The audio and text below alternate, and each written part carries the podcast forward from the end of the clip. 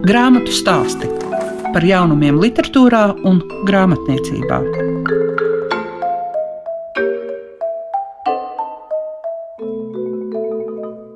Priecājos par kārtējo tikšanos. To saka jums Liega Piešiņa, un šīs dienas grāmatu stāstos jūs varēsiet dzirdēt par Kristīnas Sabaļauskaites Pētera Imperatore divi, tātad diloģijas otro grāmatu. Uzklausīsim Armandu Vījupu, kurš atbildēs uz jautājumu, kur patiesība par ebreju kursistes traģēdiju, kā arī dzirdēsiet Ingu Žoludi par Vendenes Lotospuķi grāmatu, kas saņēmusi piemiņas balvu Krasta ļaudis.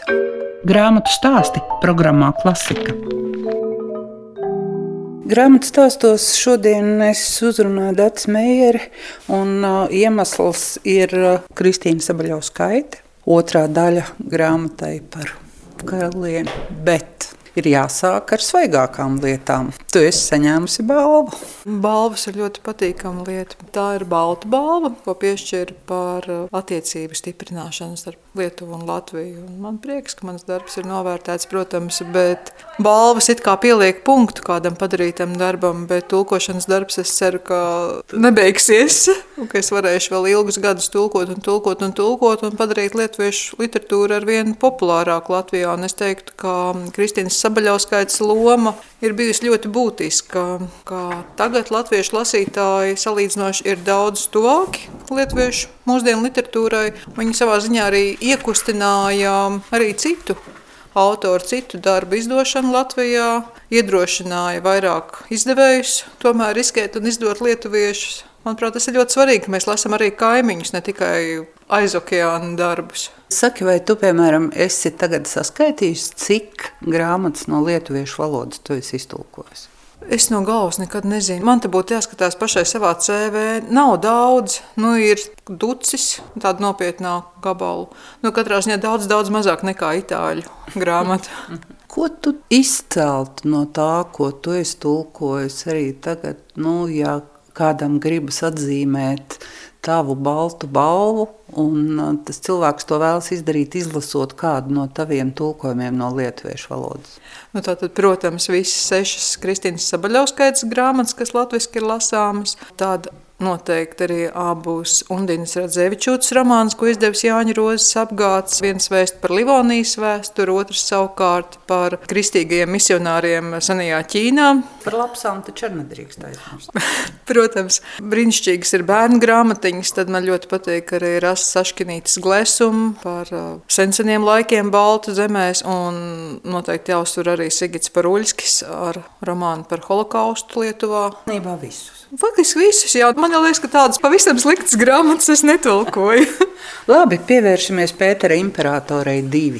Mēs nokļūstam 18. gadsimtā. Mēs nokļūstam tajā pašā diennaktī, kur mēs mirstošo valdnieci pametām pirmās grāmatas beigās, jo šis ir viens romāns. Atšķirībā no Silvera Euruma, kas bija četru romānu cikls, šis ir viens romāns divās grāmatās. Un abas grāmatas kopā ir pēdējā diennakts mirstošās valdnieces dzīvē. Viņa mirst, Nodaļa vietā ir stundas, tāpēc nebrīnīties, ka grāmata sākas nevis ar pirmo nodaļu, bet ar pulksteņu laiku, kas iezīmē konkrētu stundu. Ļoti slima, ļoti mirstoša sieviete, kurā atcerās savu dzīvi no pirmajiem dzīves brīžiem līdz uh, tam laikam, kas saplūst jau ar viņas pēdējo nopūtu, otrās grāmatas pēdējā lapusē. Tā tad sajaucās kopā gan tagadne, kur viss galmas un, un tuvinieki no viņas atvedās vai vēl mēģina izkārtot pēdējās intrigas un, un dabūt pēdējos parakstus uz vajadzīgajiem dokumentiem. Un visi, visi viņas iepriekšējie dzīves gadi, visas viņas attiecības, sāpes, varas apliecinājumi, pazemojumi, nu, viss iespējamais, kas viņas dzīvē ir bijis. Tātad tās viņas atmiņas ainas attiecīgi ir tādos garākos un plūstošākos teikumos, kad ārsts viņai ir iedevis nomierinošas zāles, arī teksts kļūst līganāks. Un, savukārt, nomoda brīžos ir ļoti izteikta saraustīta elpa, viņa, viņa smoka, klepo asinis, un tas arī tekstā ir ļoti jūtams. Man liekas, ka tas, kas parādās aprakstos, reizēm tiek pieminēts, ka viņa ir pelnrušķīte. Bet, tiksim, lasot arī šo grāmatu, skaidri redz, ka tā ir sieviete, kurai ir nācies piedzīvot pilnu amplitūdu no pozitīvā līdz negatīvajam. Nu, par panu šķiet, mums jau viss beidzas tajā brīdī, kad viņi to kurpīti piemēra un princis viņu savāca uz pildu. Pasaka, manuprāt, tālāk par to nestāst. Nu, visās tajās it kā laimīgajās pasakās, kur kāds nokļūst pilī par tālāko mēs neko nezinām. Un par pelnu šķītu gan es viņu nenosauktu, jo arī tas ceļš līdz pilī ir bijis vienkārši drausmīgs. Caur asiņu un dubļu peļķēm, kā seksa verdzenei, un tikai ar savu abrīnojumu vēlmi izdzīvot, ar abrīnojamām prāta spējām, spēju iemācīties pēc dzirdes daudzas valodas, nolasīt cilvēkus kā grāmatas, uztvert, ko viņi vēlās, spēt ar viņiem arī manipulēt. Tādā veidā viņi ir izcīnījusies līdz pašai augšai. Tas ir izdzīvošanas ziņa. Bet par pelnrašķītu vai to varētu nosaukt, šaubos gan. Lai gan tajos laikos nu, sievietes stāvoklis sabiedrībā, man liekas, jebkurā slānī nav apskaužams. Mūsu laikos mēs bieži tās šobrīd pašsaprotamās lietas Eiropā iedomājamies, ka tas tā ir bijis vienmēr, bet tā nu, tas nav gan kur nu vēl Krievijā tais laikos. Ja kāds nav pamanījis pirmo grāmatu, kas notiek tad, ja viņš sāk lasīt tikai ar otro? Likās, ka varētu būt arī tā. Es domāju, ka tā arī var, bet tomēr es ieteiktu sākt no sākuma, lai būtu viss tas dzīves stāsts, lai mēs saprastu, ka Katrīna ir kļuvusi tāda, kāda viņa ir. Jo viņa jau raksturā ir mainījusies nu, savā atmiņā, pēc vēlākajos gados. Ir tomēr jāredz, kā tā Krievijas sabiedrība, viss tas alkoholā grimstošais purvs, kas viņai ir apkārt, kā tas ietekmē viņu kā personību un kā viņa pati arī mainās. Un kā visas tās sāpes, neskaitāmie mirušie bērni, viss tas ārprāts, kas viņai ir ikdienā jāvēro, kā tas viņu ietekmē ietekmē. Un tomēr, secīgi lasot, vispirms pirmo un pēc tam otro, es domāju, to visu vieglāk ir uztvert. Daudz kas šķiet saprotamāks un loģiskāks. Man liekas, ka, protams, ir tāda zināma sāpe un drusku savādāka attieksme tagad pēc 24. februāra notikumiem. Jā, noteikti. Mēs tur redzam Krievijas vēsturiskos pamatus. Tad, kad es pirmo grāmatu tulkoju, tas tomēr bija mazliet savādāk nekā tagad. Pavasarī pie otrās grāmatas darbojoties, teksts citādi lasās. Es tad paskatos senākas eh, Kristīnas Sabaļauskaitas intervijas. Viņa nu, faktiski brīžam pēc pareģis izklausās tas, kā viņa runājas par, par Krieviju, dažādām tādām vēsturē sakņotām lietām, tiešām kā Sibīla. Grāmatu stāsti tiem, kam grāmatu lasīšana ir vērtība. Armāns Vīps laikam var atbildēt uz jautājumu, kur patiesība. Un jā, tas ir par ebreju kursistes traģēdiju. Filma, kurai nu negluži 110, 109 gadi. Kā jums vispār veidojās pašam tā interese par to? Tas ir tāds sarežģīts jautājums. Armāns Vīps visu patiesību, par kur patiesību nevar pateikt. Jo faktiski priekš manis tas ir tāds sānsolis vēsturē, jo nav jau tā mana pamatinterese joma, un, un, un es tomēr esmu diplomā rakstīts vēsturnieks, jā, bet es esmu pamatā arheologs, mazliet arī ar heraldiku nodarbojos, bet no tādām vēstures tēmām galīgi nē, bet tas stāsts laikam ir desmit gadus atpakaļ, apmēram tad, kad filmai tuvojās simts gadi, un Ventspils muzejā apķērās, ka tāda filma ir, kad vajadzētu atzīmēt, vajadzētu demonstrēt. 2013. gada vasarā mēs viņu pirmo reizi vasaras kino naktī parādījām ar tādu stāstu, kas nu mums toreiz bija. Un tad tā interese tā kā vēlās tālāk. Tad eh, ebreju muzejā šo filmu demonstrēja Gonts Berelis ar savu romānu, kurā mēs devām tās ziņas un to materiālu, kas mums bija. Nu, beig beigās bija Startautiskais Rīgas kinofestivāls ar tādu lielāku interesi par to filmu. Tur izskanēja tādi nu, ļoti dažādi viedokļi viedokļi ne līdz galam pateikti. Man dažkārt likās ne līdz galam saprasti, un tad man tā kā palika, kā lai to pasaka, ne žēl, bet kaut kas tāds nepadarīta darba sajūta, kad nu, mēs kā darbojāmies, galvenokārt jau tie cilvēki, kas tur darbojušies, bija pelnījuši vairāk. Nu, tā es arī tā kā pieķēros un pavisam ātri saliku kopā to, kas bija, un to, ko vēl izdevās atrast. Bet vai tagad var teikt, ka nu vairs neko par šo filmu nevar atrast? Var, protams. Vai ļoti daudz ko var atrast. Noteikti ir viens otrs cilvēks, kas tur ir minēts, kādi radnieki ar atmiņām, varbūt arī ar kādu fotografiju. Kārlis Gerutskis un viņa radinieki vēl nav apzināti. Galu galā nav vēl atrasts pirmā latviešu kinoaktiera Herberta Konrāda kapvieta Kuldīgā, kur arī tā kā vajadzētu aizbraukt un apskatīties. Un jau pēc grāmatas uzrakstīšanas arī parādījās dažādi jaunumi. Kurā brīdī jūs sapratāt, ka jā, to vajag tomēr ielikt grāmatā? Nu, man dažkārt ir tā sajūta, ka cilvēki, kas kaut ko ir nozīmīgi izdarījuši, nu, šī gadījumā labi tur var diskutēt. Mm, es saprotu, ka viedoklis, ka nav pirmā spēle filma, es gan varētu apgalvot par 99%, ka ir. Bet ka cilvēki, kas kaut ko nozīmīgi ir paveikuši Latvijas kultūras vēsturē, un viņi paliek tādi nenovērtēti, nezināmi, nepamanīti, jā, it kā nu, nav ne aktieri, ne pats producents. Un faktiski tā pirmā apziņa bija, ka ir producents, pateicoties kuram tā filma ir tapusi, un mēs, mēs pat viņu vārdu īsti nezinām. Mēs Giljons, Giljams, nu kā tad viņu sauc, kas ar viņu notiekās. Ja? Tad tomēr kinoteātris īpašnieks, un likās, ka nu, viņš tā kā būtu pelnījis to piemiņu, un, un tas bija varbūt tas galvenais stimuls. Arī tas stāsts vēsturiskais, kurš ir par to, cik kinoteātri ir bijuši Rīgā, Ventspilī un viss, tas parāda to laiku mazliet savādāk. Jā, es domāju, varbūt ne manai paudzei, bet vienai pēc, vai varbūt divām. Tad, kad kino popularitāte pazūd, jo, jo nu, mums ir viss ir televīzijā, mums ir interneta, visas iespējas, un, un kino vairs neskatās. Ja kino nav tāda vieta, kur iet, un tas arī ir ļoti interesanti. Tomēr tas viss kā attiecās pret kino, un cik milzīga loma ir kino savā laikā. Jāsaka, ka ir vēl viena lieta, kas stimulē, ko es nepieminēju. Vēnspilī tomēr šis kinoteātris, kur īpašnieks ir iniciators un faktiski producents šīs filmas, viņš darbojas kā kino vēl tagad. Tas darbojas kā kino vēl tagad. Tātad tas ir vecākais eksistējošais kinoteātris Latvijā. Ja ļoti bieži saka, Splendid Palace, bijusi Rīga, vecākais nekā, tas ir no 1911. gada, kad viņi atver, viņš ir Ziemeļpols, un tad ir dažādi nosaukumi, tur Aina un, un Komjaunietis, un, un, un vienu brīdi atkal Ziemeļpols, un tagad tas ir Kino Rio, un tomēr tas ir tajā vietā jāpārbūvēts, tur to seno nevar sajust bet tas ir senākais, kas darbojās ne tikai, domāju, Latvijas teritorijā, bet man šķiet, ka visā Baltijā. Nu, tas nozīmē, ka tam kinoteātrim ir ļoti laba aura. Nu, Gan drīz vai tā viņš ir pārdzīvojis visus, visus laikus, un arī tagad uh, eksistē pēc Covid laikā. Covid jau, man liekas, bija kinoteātriem viens tāds nu, diezgan nāvīgs sitiens. Laikam jau ir tā, ka laiku laikos nemainās tā spēja dažādi noraksturot, par ko ir filmu. Šobrīd arī, ja rāda Latvijas televīzija kādu filmu vai, piemēram, te ezera sonāta, es domāju, ak, kungs, kā raksturo, mēs nekad tā neraksturotu. Un arī par šo filmu, kur pat patiesība, kur tikpat labi varētu būt arī tas cits nosaukums, to arī tā raksturo. Kā ir ar šiem raksturojumiem?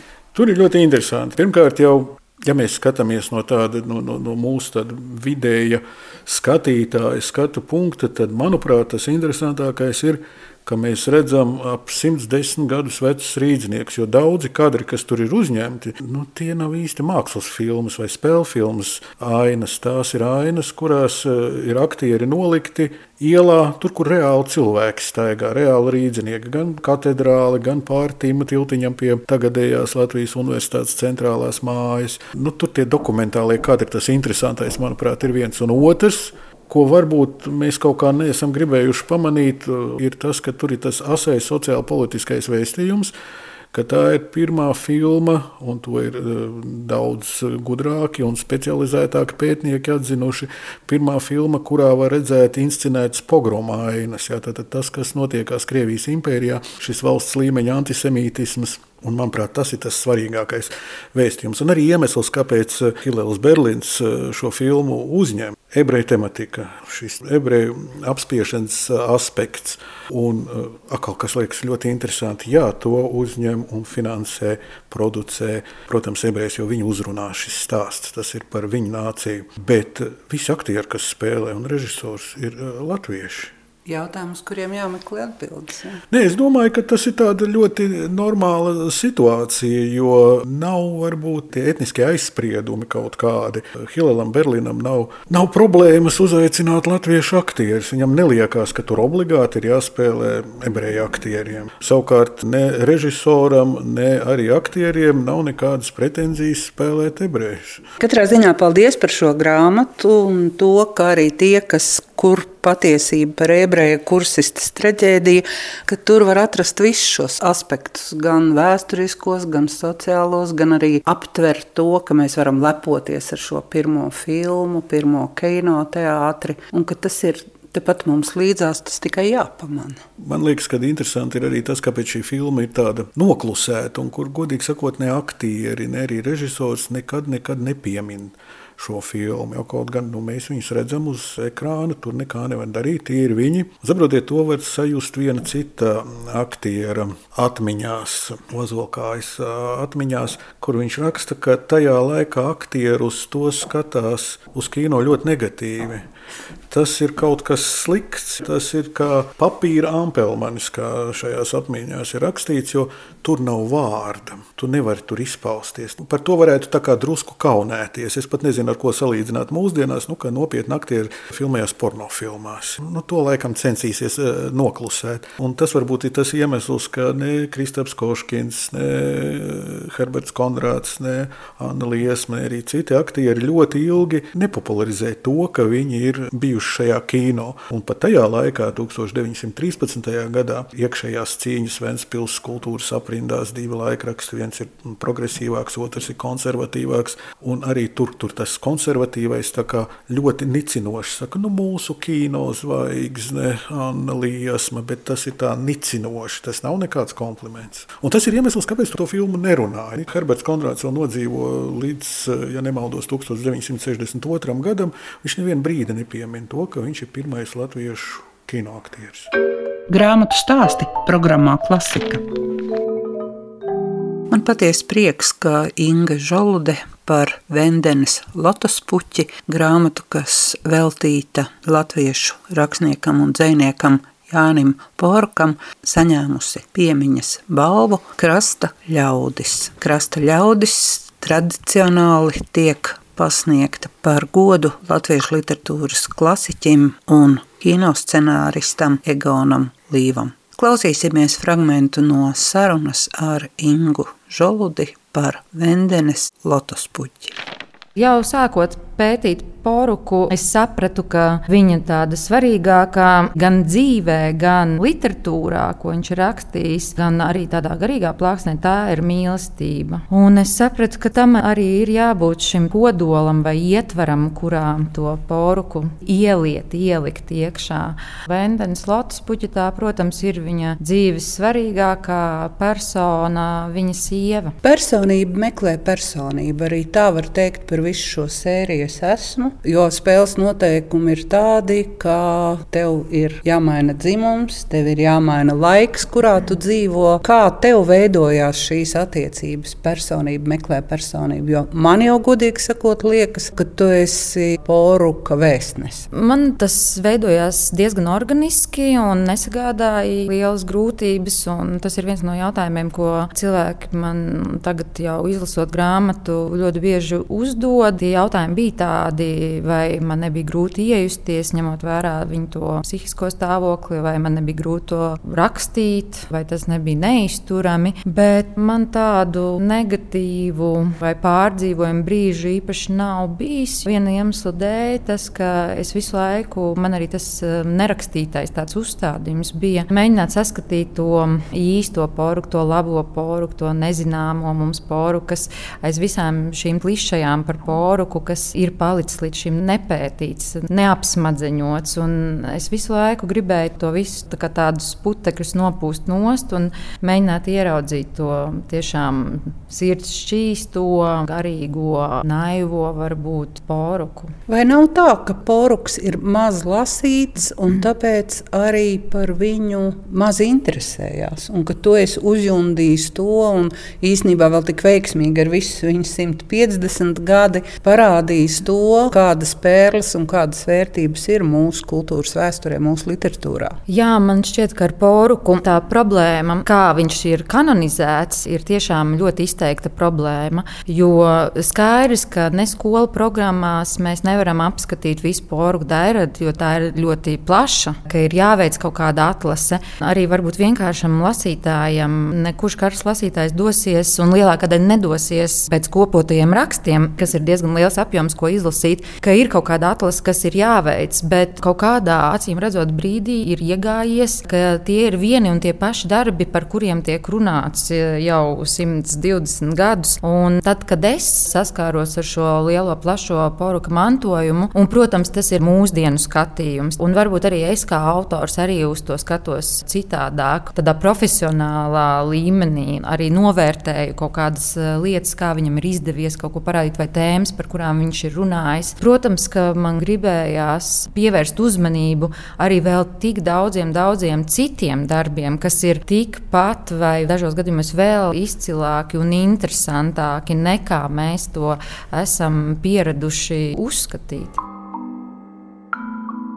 Izskan grāmatu stāsti. Šīs dienas raidījumā dzirdējāt par Kristīnas Sabaļovskaitas romānu Pētera Imperatore 2. Armanda Vijupa vēstījums bija par grāmatu, kur patiesība par ebreju kursistes traģēdiju, kā arī Inga Žolude atgādināja par Vendenes lotospuķi. Kopā ar jums bija Liega Piešiņa. Grāmatu stāsti par jaunumiem literatūrā un grāmatniecībā ik trešdienu, 9.5. ar atkārtojumu Svētdien, 18.15.